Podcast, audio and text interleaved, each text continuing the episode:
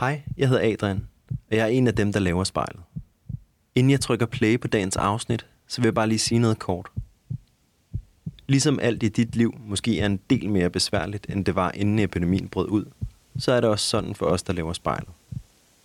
Det er svært at komme rundt i landet, og vi kan ikke være tæt på dem, vi optager. Så i stedet for at være sammen med dem, så afleverer vi en afsprittet optager uden for deres dør og ringer dem op. På et eller andet tidspunkt, så bliver alting lidt mere, som det var før. Og så kommer vi ud i landet og er tættere på jer.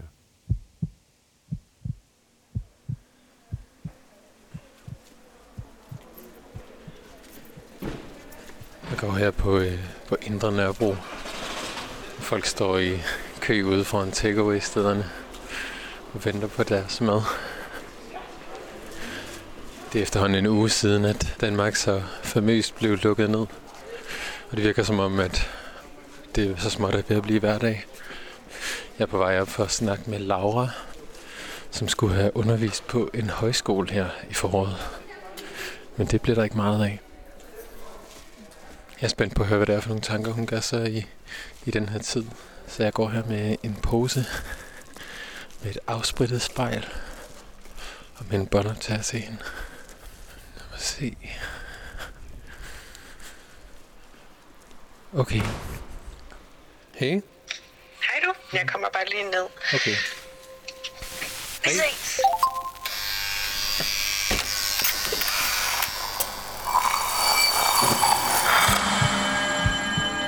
Vi ser os i spejlet hver dag. Som regel er det i forbifarten. Vi scanner lige kort, om vi ser ud, som vi skal, inden vi fortsætter vores dag. Vi ser det samme spejlbillede igen og igen, små øjeblikke. Men hvad sker der, når vi tager os tid til at se os selv i spejlet? Hvad ser vi, når vi ser os selv i øjnene? Sådan rigtigt. Hver uge vil vi besøge fem unge, og bede dem om at bruge en time selskab med deres eget spejlbillede. Jeg hedder Mads Bjørn Lundsgaard, og du lytter til spejlet.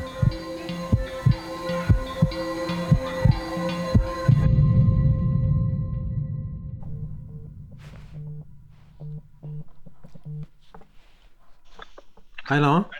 Goddag.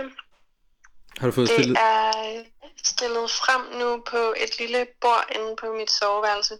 Ej, for fedt. Øhm, og så, hvad hedder det, båndoptageren, ikke? Jo, Den tænder du nede i venstre hjørne. Og øh, så trykker du bare på den røde knap. mm. Og så, øhm, så kan du have den sådan rimelig tæt på munden, sådan at du kan høre, at der kommer en lækker lyd i dit øh, monitorøre. Hallo. Ja, Mm. skal jeg, skal jeg røre lidt med min mund? Nej, Nej, det det skal jeg ikke. Jeg holder den lige lidt væk. Mm, Hallo, hallo. Så er jeg simpelthen klar. dejligt. Ja. H- Hvordan har din dag været, Laura? Jeg synes, jeg lidt har haft en øh, rigtig, rigtig kedelig dag i dag. Øhm, jeg er ved at løbe tør for ting, jeg kan gøre inde i min lejlighed. Hvad har du gjort indtil videre? Øhm, det klassiske.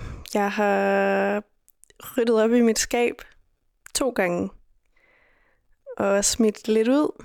Og øhm, så har jeg kigget lidt på min bankkonto og kigget på noget med nogle tænder og Nogle tænder? en jeg skal have fjernet mine visdomstænder.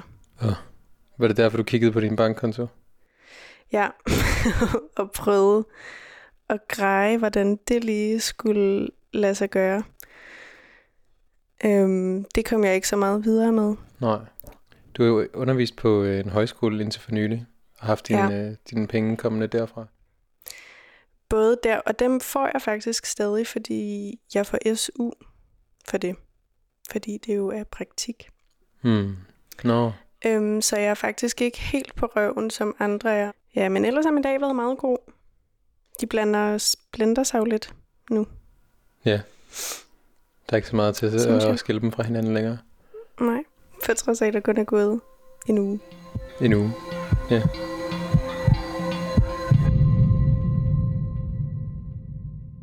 Jeg hedder Laura. Jeg er 25 år og kommer fra jeres pris. Jeg bor på Nørrebro. Jeg er i praktik på en højskole som underviser, og så prøver jeg at finde ud af, hvad øh, jeg skal nu, efter at jeg lige har afsluttet en bachelor i antropologi. Det jeg tror jeg er lidt spændt på, hvad, vores, øh, hvad der kommer til at ske foran det spejl. Mm. Ja, men jeg glæder mig til det. Sidder du foran spejlet nu? Ja, det gør jeg. Okay. Så må du godt øh, lukke øjnene. Og så tage et par dybe indåndinger.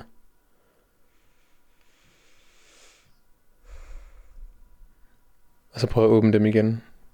Og fortæl mig, hvad du ser. Mm. Så ser jeg et ret lille hoved med et ret stort headset på. Og øhm, jeg ser faktisk ikke så meget af ansigtet, fordi jeg har mikrofonen ret meget op foran. Så det jeg primært ser er to øjne med briller på og en næse, som er ret skæv. Øhm, og det er det ene øje også. Et skildret øje. Et skildret øje. Ja. Og noget meget skævt pandehår ovenover det skildrede øje. Har det skildrede øje altid været skildret?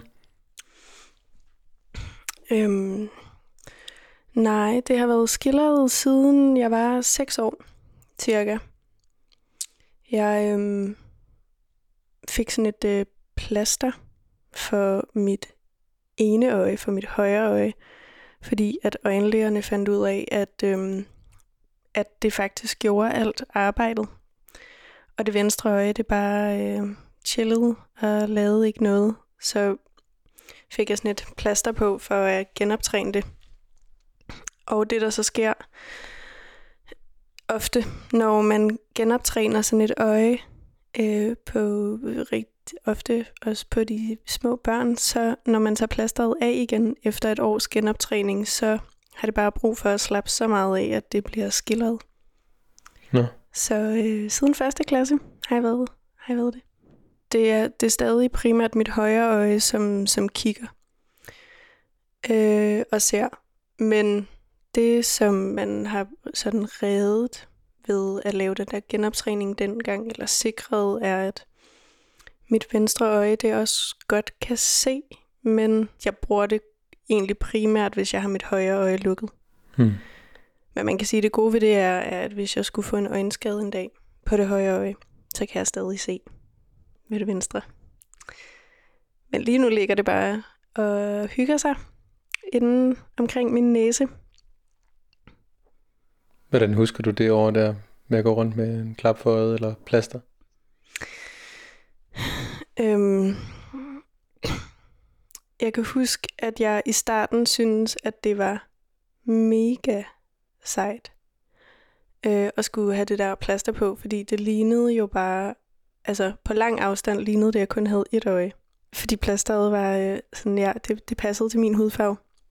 Så i noget tid, eller så jeg kan bare, jeg, kan, jeg har sådan erindringer om, at jeg gik rundt til øhm, de andre børn på legepladsen, og sagde til dem, at øh, mit øje var faldet ud, og fortalte dem sådan nogle historier. Øh, altså, jeg tror at også, det er sådan, jeg husker det, men jeg ved ikke, jeg ved ikke, om det var noget, jeg sagde for at undgå at blive drillet, eller sådan, for det så jo bare rimelig, altså, det så ikke så sejt ud, som jeg synes, at det gjorde. Især også, fordi man kunne få sådan nogle øhm, små skrabe klister, klistermærker, man kunne skrabe på, øh, som jeg bare havde det for vildt over. Altså, jeg synes, det var så sejt, men når jeg ser billeder fra den gang, så ja, jeg tror ikke, jeg var så sej igen. Men det lyder da som om, at du var et meget rimelig sådan selvsikkert barn.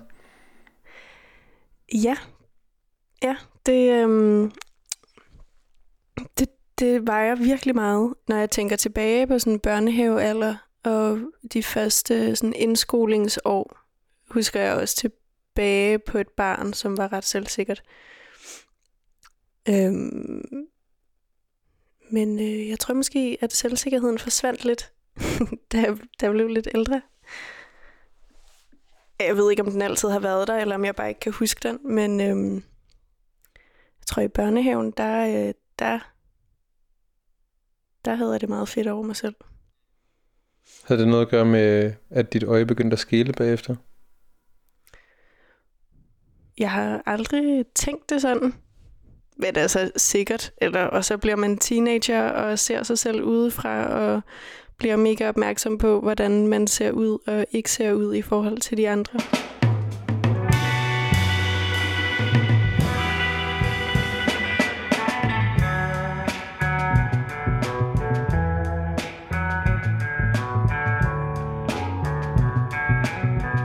Den, øh, den bliver jeg bare glad af at lytte til.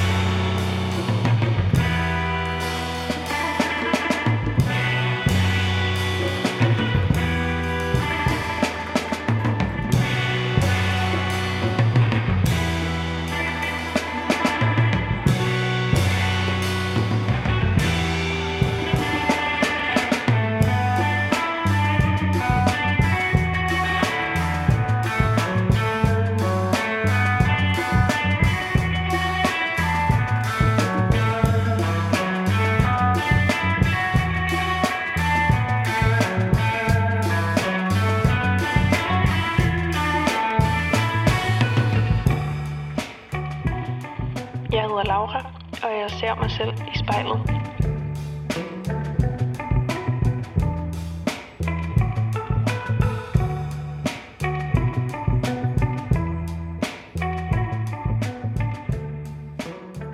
Jeg er i mange år af mit liv også blevet læst så meget selvsikker. Øhm, måske også lidt arrogant nogle gange. Hvorfor tror du det? Øh, det har jeg fået at vide af folk, jeg så er blevet venner med efter. Mm. Men hvorfor tror du, at folk har fået det indtryk? Jeg tror, det har været fordi, at jeg øhm, har været sådan meget øhm, klovne i klassen. Sådan en spasmager. Øh, det tror jeg er en af tingene. Det tror jeg, at man har læst som en selvsikkerhed. Og øh, arrogant. Jeg, jeg tror, at sådan, mit ansigt meget naturligt ser lidt surt ud øhm, så det kan måske have noget med blikket at gøre. Det kan også være, at de er blevet lidt nervøse, når de ikke rigtig lige har kunne finde ud af, hvor jeg har kigget hen. Og så Kan du prøve at sætte nogle ord på det der med folk, der ikke helt ved, hvor de skal kigge hen, når de kigger dig i øjnene? Jeg synes, det er en meget sjov situation, når det sker. Øhm, og det er meget tydeligt, hvad det er, der foregår inde i hovedet på folk. Øh, det er meget sådan, jeg står over for personen, vi øh, eller sidder, vi har en snak, og personens blik flakker meget sådan. Kan ikke rigtig lige finde ud af, hvor det skal sidde henne. Enten så siger personen noget, eller så siger personen ikke noget, og så bliver der bare ved med at være sådan lidt øh, ufokuseret, akavet stemning i samtalen. Men hvis personen siger noget, så er det tit bare sådan, øhm, ej, måske har du hørt det her før, men øhm, hvad, hvad sker der lige med dine øjne? Sådan, hvor skal man kigge hen? Eller, Hvad siger du så? så siger jeg, altså, det må du jo selv bestemme, men mit højre øje er det, der øh, reagerer på, hvor jeg selv kigger hen. Så hvis du gerne vil følge mit blik, så er det det, du skal holde øje med. Men altså, det, det er me- egentlig mest, når jeg selv bliver opmærksom på det, sådan, kan du huske, måske du også har lavet nogle af de her lege i folkeskolen. Man står i en stor rundkreds, og så øh, bliver der sendt nogle lyde rundt i rundkredsen, og man kan enten sende lyden til højre eller venstre, men man kan også godt sende lyden sådan tværs over rundkredsen. Øh, og den leg havde jeg bare i folkeskolen, og egentlig også i gymnasiet, og øh, stadigvæk. væk. Fordi at når jeg skulle sende den der lyd tværs over cirklen, man skulle gøre det kun med øjenkontakt, ikke? Og jeg havde jo bare altid øjenkontakt med to personer på én gang, og så opstod der kæmpe forvirring og akavet stemning. Fordi så vidste man ikke, hvem der var død i lejen, og hvem der overlevede og sådan noget. Det lyder som noget, der sådan kan være smerte, særlig smertefuldt i sådan en øh, introduktion til en gymnasieklasse. Ja, lige præcis. Kunne du forestille dig, hvor meget man kunne begynde at svede under armene over, hvor pinligt man bare vidste, det ville blive lige om lidt. Hmm. Ja. Er, er blikket, eller er der andre ting, der er noget, du har sådan, følt dig særlig pinlig over? Øh, Du, du spurgte, om jeg var meget selvsikker. Et meget selvsikkert barn, og det tror jeg egentlig, jeg, jeg er, men ved, eller var. Men hvis du spurgte mig nu, om jeg var øh, selvsikker, så vil jeg sige nej. At, og jeg tror egentlig, jeg ser egentlig mig selv som en meget usikker person, og også en person, som er enormt opmærksom på, hvornår en situation bliver pinlig. Og sådan tænker vildt meget over, om øh, det, jeg siger, er dumt, eller pinligt, eller forkert. Det var også derfor, jeg tøvede, eller jeg, da du spurgte mig, om jeg ville være med i det her øh, interview, sagde jeg, at det, øh, ja, måske, men at jeg også er vildt akavet i sådan nogle her situationer. Hvad var der så alligevel, der fik dig til at sige ja? Mm, jeg tror, at jeg lige prøver lidt at ikke tænke så meget over, om det jeg siger og gør er rigtigt, eller dumt, eller pinligt. Hmm. There's a road I know I must go.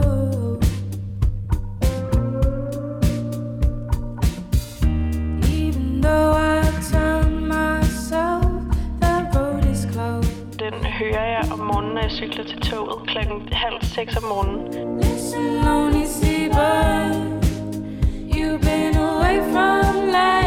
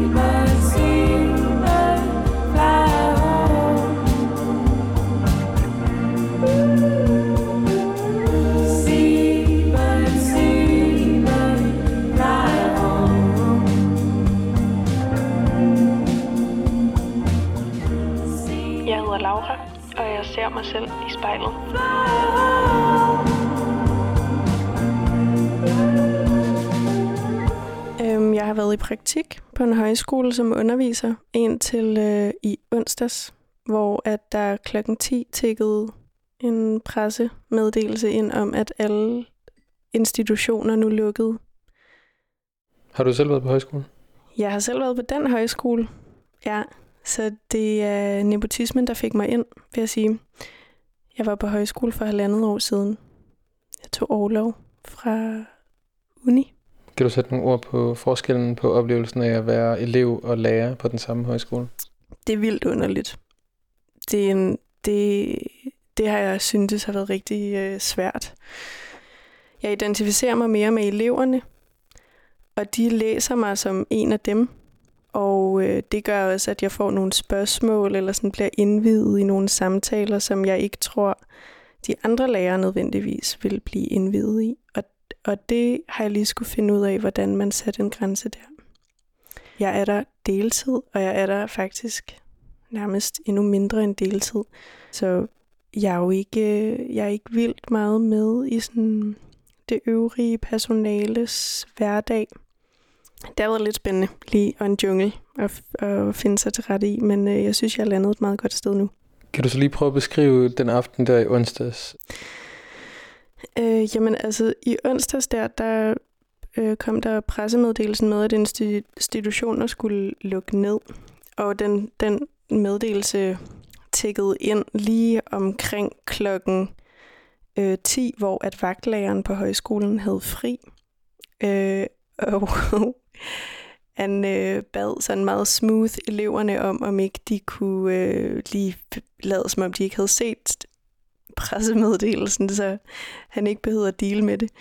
Øh, men, og så øh, han havde fri, så han tog hjem, og så var jeg der på højskolen sammen med eleverne her, og det var meget sjovt det her med sådan ikke i hverdagen at blive læst som en med autoritet, men så lige den der situation, der var jeg sådan det tætteste, man kom på en underviser. Altså skulle jeg lige pludselig kunne svare på en masse spørgsmål og, og ting og sager, men så kom forstanderen op og holdt en øhm, aftensamling, hvor at eleverne fik besked på, at de skulle pakke deres ting og øhm, tage hjem så hurtigt, så hurtigt som muligt. Øhm, og det var de selvfølgelig virkelig kede af. Så åbnede de barn, og øh, sangskriverlinjen gav koncert nede i kælderen som en lille afslutning. Og så øh, tror jeg, jeg skulle bare, de drak sig stive, altså. Og så mødte de op til morgensamling dagen efter. Og gjorde rent på skolen og tog hjem. Ja, og det samme gjorde jeg. Så, øhm, så der har jeg ikke været i en uge nu. Men vi holder, øhm, vi holder stadig morgensamlinger via en livestreaming på Facebook, som øh, fungerer på en øh, meget sjov og god måde. så de er stadig lidt sammen. Ja, ja altså min kæreste han går stadig på arbejde hjemmefra. Han har fået en hjemmecomputer. Mm. Og øh, det har jeg bare så svært ved at forholde mig til, at han er på arbejde. Altså, I dag vil jeg bare gerne lige sådan her, gå en tur eller handle ind. Og han er sådan her, jeg, jeg er jo faktisk jeg, jeg er på arbejde lige nu. Jeg kan ikke forlade Skansen. Det er så underligt, men altså, det er jo også ret fantastisk, at folk kan få det til at fungere ikke på den måde.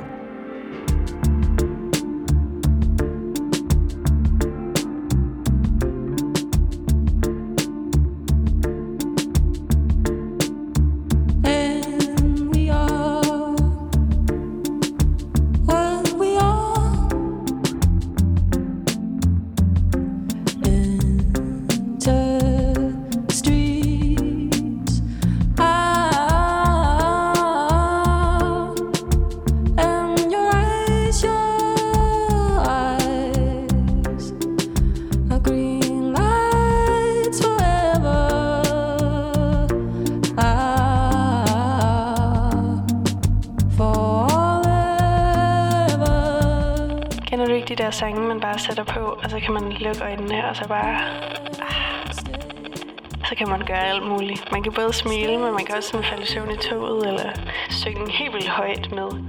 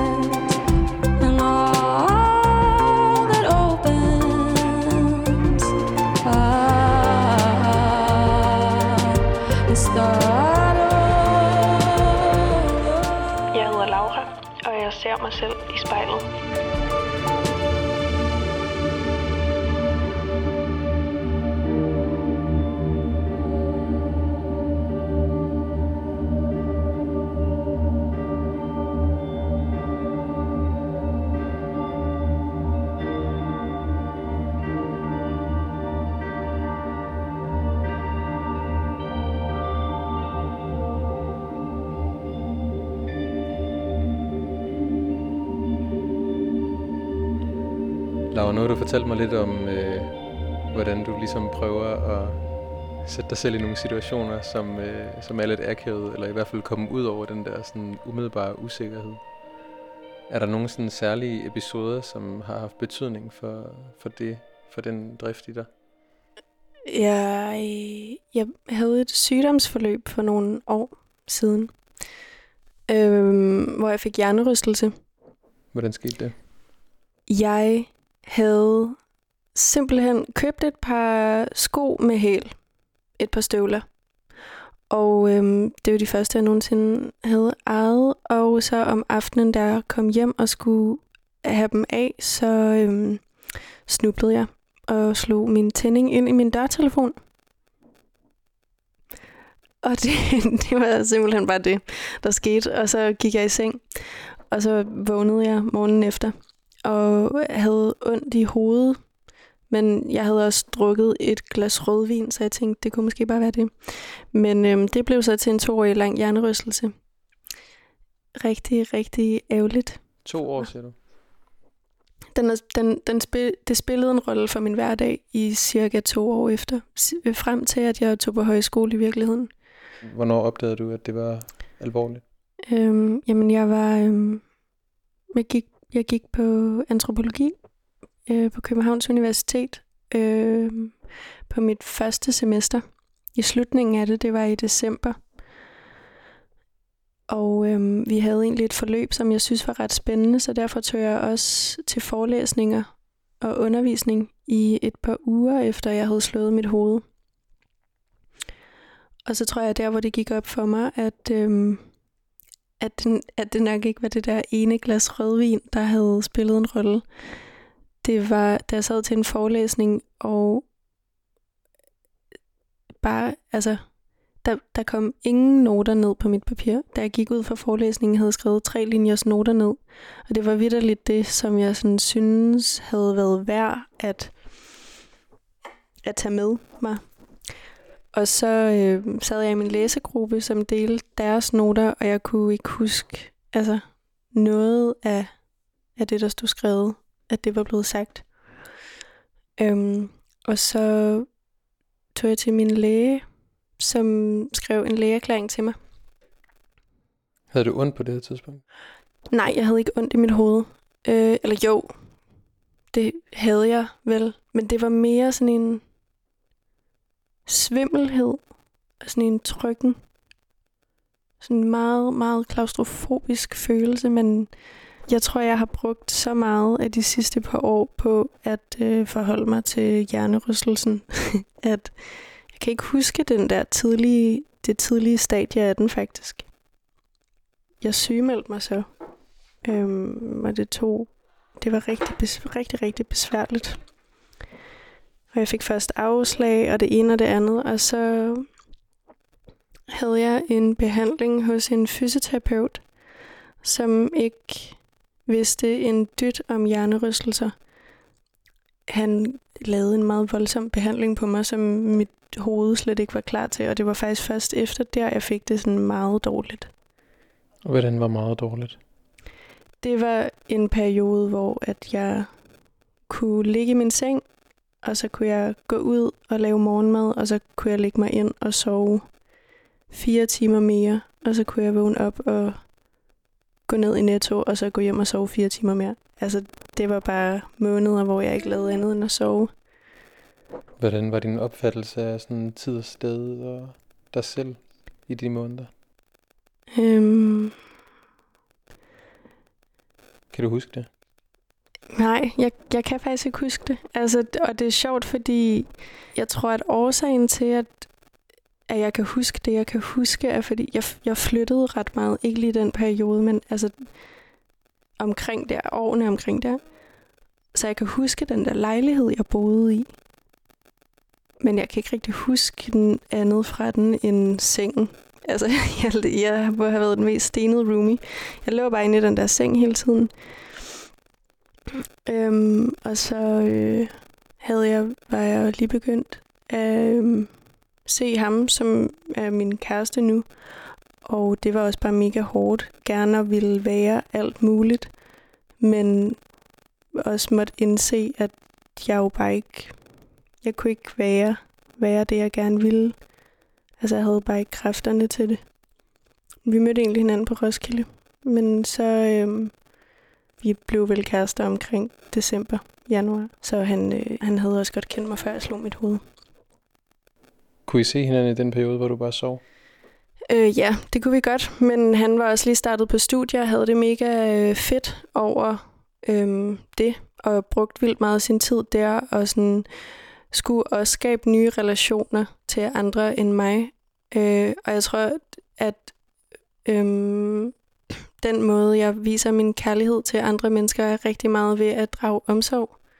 Eller sådan øh, være der for dem og gøre ting for dem, der kan gøre deres øh, hverdag nemmere på en eller anden måde.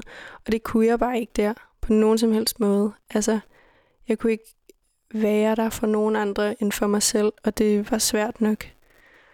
Altså, jeg tror, jeg synes, det er svært at sådan beskrive hjernerystelsen, men jeg, jeg tror ikke, det er meget anderledes end stress eller sådan depression, hvor man bare forholder sig til sig selv hele tiden. Og det er egentlig det eneste, man ikke rigtig gider. Det er at forholde sig til sig selv. Hvordan synes du så, det er at sidde nu her foran spejlet og blive bedt om at forholde dig til dig selv igen? Mm, altså, jeg tror, jeg blev rigtig god til det i den periode. Det er det, det er det gode, der er kommet ud af det. Det er, at jeg er blevet meget mere opmærksom på mig selv. Jeg er blevet meget mere opmærksom på mine egne grænser. Og så er jeg blevet meget mere opmærksom på, hvornår jeg har det godt, og hvornår at jeg ikke har det godt. Det tror jeg både er, fordi at det var det, man virkelig skulle være opmærksom på i den der periode. Ikke? Man fik hele tiden at vide sådan, du skal ikke overanstrenge dig selv. Du må gøre alt, men du må kun gøre det lige indtil du kan mærke, at det er for meget. Så skal du hvile dig. Alle man mødte havde et godt råd til en. Så der var simpelthen så mange ting, man kunne forholde sig til hele tiden. Øh, og som alt muligt andet, så er der jo bare ikke noget generelt at sige om sådan nogle der situationer. Man skal jo finde ud af det hele selv, og det var bare virkelig en labyrint. Men altså, jeg synes på den anden side af det, at jeg tror, jeg har lært rigtig meget af det. Lært meget om mig selv. Er der nogle sådan særlige ting, som du føler, du har lært om dig selv? Øhm, at jeg er virkelig følsom og sårbar. Og at jeg laver alt for mange ting, eller at jeg har lavet alt for mange ting på én gang. Du har anstrengt dig selv? Ja, ja det, det tror jeg. Jeg tror også, det var derfor, at den der hjernerystelse slog så hårdt. Altså fordi selve slaget af den var jo ikke særlig hårdt, men, jeg fik, at, jeg fik at vide dengang, at det, der sker, når du slår dit hoved, det er, at væsken omkring din hjerne, den ligesom får sådan et slag, som forestil dig, hvis du ryster en sodavandsflaske, ikke? Når du ryster det frem, så vil det også blive rystet tilbage. Og så vil nervebanerne, der løber fra din hjerne ud til dit kranie, de vil ligesom blive revet over. De her nervebaner, det vil, det vil egentlig kun tage dem tre uger at, at vokse tilbage på plads. Men hvis du så overanstrenger dig og bliver stresset, så vil din hjerne udskille det, den udskiller, når du bliver stresset, og det vil hæmme den proces. Who wants to be loved out of habit? Who wants to be just an idea?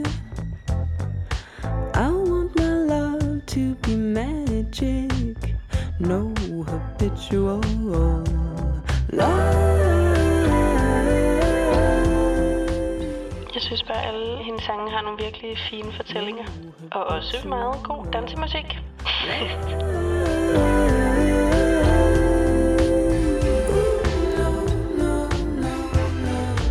Wants to be stuck in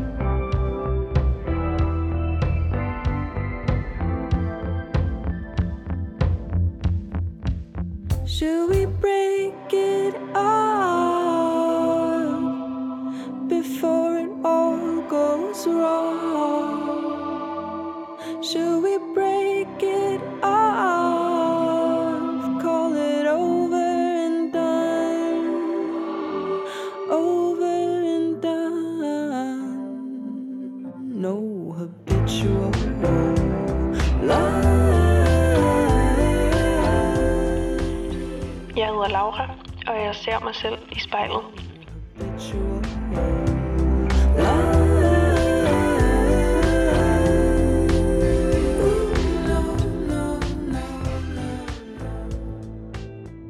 Laura, nu har du fortalt mig om den periode, hvor du selv blev tvunget til ligesom at stoppe op efter at have lavet alt for meget, fordi der kom den her forfærdelige hjernerystelse i dit liv. Det der med at have sådan nogle meget pludselige, abrupte opbremsninger, tror du, der er en parallel til det, som vi alle sammen oplever lige nu med at blive sendt hjem fra arbejde og tvunget til at sidde og stige ud i vores egne stuer? Jeg tror, den hverdag, som mange af os sidder i lige nu, er rigtig er sund at opleve. Øhm, der er mange mennesker, hvor deres hverdag ikke er blevet ændret. Altså hvor at de af alle mulige forskellige årsager ikke sådan kommer specielt meget ud af deres øh, hjem eller der, hvor de bor. Og jeg tror, at, at man kan, kan prøve at vinde øh, eller prøve at finde noget tid i al den tid, man nu har, øh, til at stoppe op og øh, tænke på sig selv. Og øh, mærke, mærke sin krop. Og mærke sine tanker. Og måske lige prøve at stoppe dem. Altså jeg tror virkelig, man kører meget på autopilot i sin hverdag, hvor man har en rutine, og man gør alt muligt. Alt, man gør alt det, man skal gøre. Er der nogle andre paralleller imellem den situation, vi står i nu, og så det, du oplevede med hjernerystelsen? Jeg tror, at øhm, en af de største paralleller, jeg kan drage, er, at den uvidshed, der er lige nu. Og sådan, den uvidshed fyldte helt vildt meget i mit sygdomsforløb. Det der med ikke at vide, hvornår det stopper. Ikke at vide, hvornår at man får det godt nok til bare at kan gøre det, man har lyst til. Lige nu er man i en situation, hvor det er svært at... Altså, man kan ikke rigtig sige noget om, hvornår at det bliver normalt igen. Øh, og vi ved ikke, om der er en masse ting i fremtiden, der bliver aflyst, og hvordan vores sommer kommer til at være. Det minder, bare, det minder mig rigtig meget om at være syg med hjernerystelse. Øh, og vækker helt klart nogle minder fra den tid. Der føltes det både fysisk og psykisk, altså klaustrofobien, sådan både fordi, at det føltes som om ens hjerne bare var alt for stor til at kunne være inde i hovedet, men også øh, at i rigtig mange måneder, der var jeg inde på de samme meget få kvadratmeter, som var mit værelse, og kom ikke rigtig ud derfra, og når jeg kom ud derfra, så var jeg meget nervøs og angst for, om jeg gjorde noget forkert, og om jeg overskred nogle grænser, som ikke skulle overskrides. Og det er jo også meget de der tankemønstre, man er inde i lige nu, ikke? Altså sådan, hvad må man gøre? Må jeg godt gå en tur? Må jeg gerne tage ned og handle? Uvidsheden om, hvad, det, hvad konsekvenserne af det vil være, det kan man jo bare ikke forudsige. Men øh, du er jo så alligevel kommet ud på den anden side af det forløb der. Ja, Hvornår følte du, at du var på den anden side af det? Jeg ved ikke, det var også, du, du, jeg sagde sådan meget, øhm, meget sådan bestemt, om så havde jeg hjernerystelse i to år, eller det var i de år, hvor jeg mærkede det. Øh, I rigtig lang tid, så sagde jeg, jeg har hjernerystelse, og det var sådan en fast del af præsentationen af mig selv på en eller anden måde. Og jeg tror egentlig først, det var i efteråret sidste år, at jeg begyndte at sige, at jeg har haft hjernerystelse. Jeg havde sådan en periode, hvor at jeg begyndte at tage nogle forskellige urtedråber og blomsterdråber. og Prøve at gå nogle lidt andre veje med forskellig medicin. Øhm, og så faldt jeg over nogle dråber, som var sådan specifikke mod, de kunne forløse, hvis man havde, hvis der var et traume, som havde sat sig i kroppen. Så præsenterede jeg bare de her dråber for min ven, som havde haft hjernerystelse samtidig med mig. Sådan her, hey, det her, det skulle bare være, altså, teardrops from heaven. Skal vi prøve dem? Og så sagde hun til mig, kiggede hun på mig, og så sagde hun, Lille, jeg har jo ikke hjernerystelse længere. Jeg har haft hjernerystelse. Og det var sådan der, det gik op for mig, at jeg har, jo, jeg har jo heller ikke hjernerystelse længere. Jeg har haft det, og det var mega hårdt og svært. Øh, og der er nogle ting, som stadig sidder i mig, men jeg har ikke hjernerystelse. Øh, og det, det var bare sådan øh, en meget fed erkendelse efter virkelig lang tid, hvor jeg nærmest bare var blevet min hjernerystelse. Altså det var en så stor øh, identitetsmarkør på en eller anden måde. Og sådan, i virkeligheden tror jeg også bare, at til sidst så blev det lidt noget, man kunne sådan klamre sig til, for, fordi så havde man på en eller anden måde nogle retningslinjer for, hvor ens egne grænser gik. Var det også en undskyldning? Ja, det tror jeg. Altså for eksempel, at jeg ikke har taget til fester i rigtig lang tid. I lang tid handlede det om hjernerystelse, men så tror jeg, at det også kom til at handle lidt mere om måske en altså, lille form for social angst. Og så øh, var hjernerystelsen jo bare meget nem, altså et meget nemt skjold at kunne trække op foran sig, ikke? Og sige, her til jeg ikke længere. Jeg stod ude foran teltet på Roskilde, fordi jeg var sammen med en veninde, der havde det dårligt. Og det er nok en af de koncerter, jeg aldrig mig selv for, at jeg ikke. Ah, men jeg vil fandme godt til den par la fin. J'ai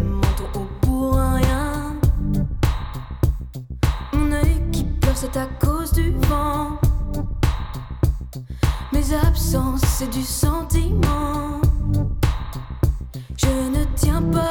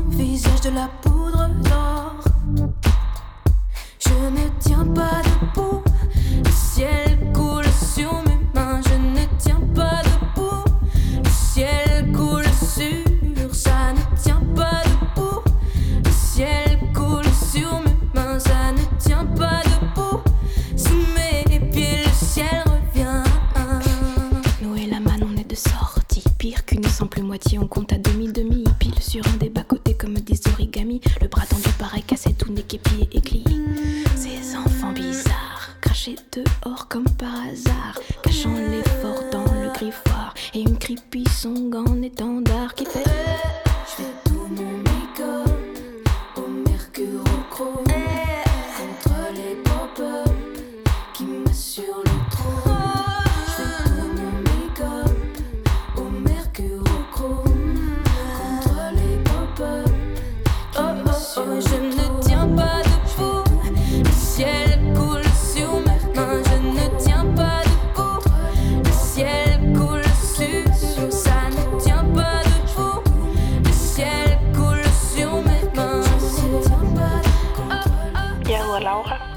Ser mig selv i spejlet.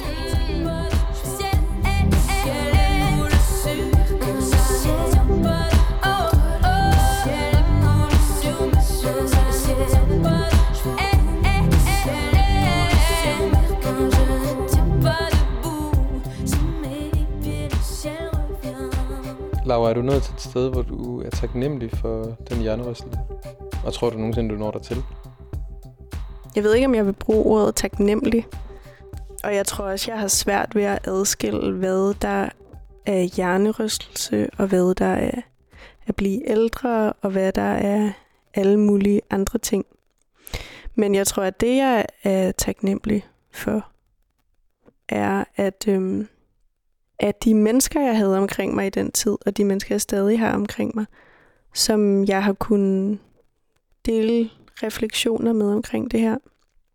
Det er jeg virkelig taknemmelig for. Jeg er taknemmelig for, at jeg på en eller anden måde har formået at gøre det til noget større end bare to års sygdom, men at det faktisk er noget, jeg bruger ret aktivt nu i de ting, jeg engagerer mig i på alle mulige måder. Hvordan gør du det? Mm, da jeg tog overlov fra øh, universitetet for at tage på højskole, der var det også for at prøve nogle håndværk. Jeg havde keramik og glaspusning. Og det håndværk og mine erfaringer for hjernerystelse og det at være syg eller at blive sygeliggjort, måske også af systemer og af andre mennesker, det, det har jeg prøvet at parre sammen med antropologi også. Og øh, altså sådan, hvordan jeg kan formidle nogle af de her oplevelser, jeg har haft igennem kunsten, men også øh, gøre det på en måde, så det mås- måske kan blive relevant for andre end bare mig selv og min oplevelse. Så jeg har egentlig jeg har, sådan, jeg har haft lagt hjernerystelsen lidt væk, men så her de sidste par måneder har jeg taget den lidt frem igen. Laura, hvis du skulle tage nogle af de erfaringer, som, som du har gjort dig i løbet af de sidste par år, og give til dig selv, hvis du kigger i dit spejlbillede og prøver at tænke på, hvem du var for fem år siden, hvad tror du så, du vil prøve at give videre? Jeg tror både, jeg vil øhm, sige, prøv ikke at bekymre dig så meget.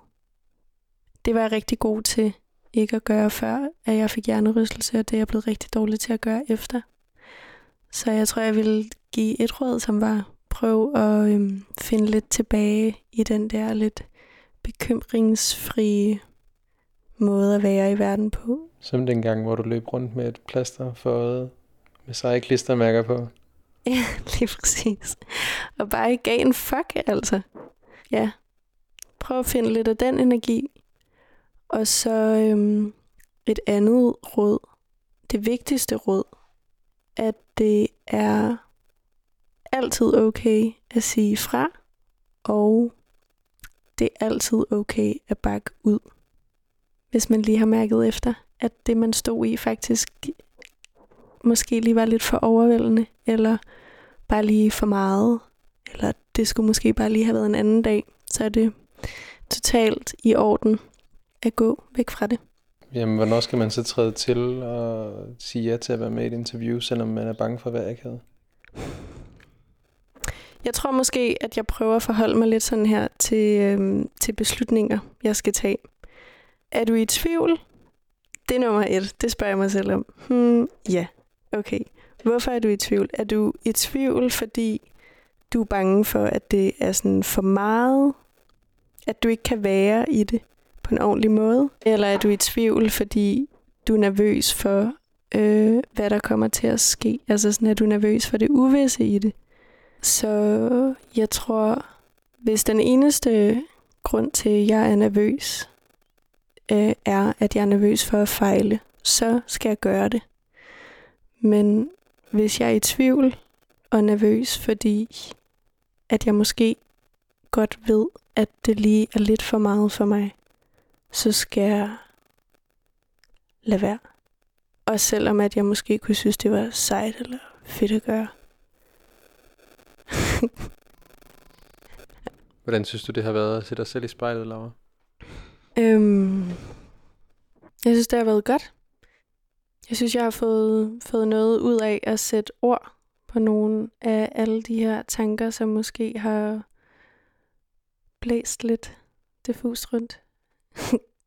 ja, og ja, dejligt at i talsæt over for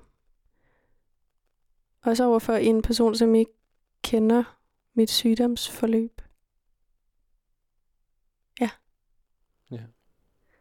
Skal vi slukke vores optager samtidig? Ja, lad os gøre det. Okay. Er du det, klar? Det er den røde knap. Ja. 2.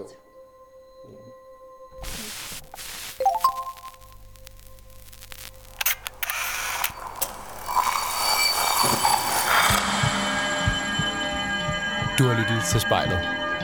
Produceret af Kontrafej, klippet og tilrettelagt af mig. Jeg hedder Mads Bjørn Lundsgaard, og vores redaktør er Kim Pilvester. Musikken blev valgt af personen foran spejlet, og du kan finde spejlets playliste på din streamingtjeneste. Hvis du har noget på hjerte, eller hvis du har en idé til, hvem der skal foran spejlet, så skriv til os på Instagram.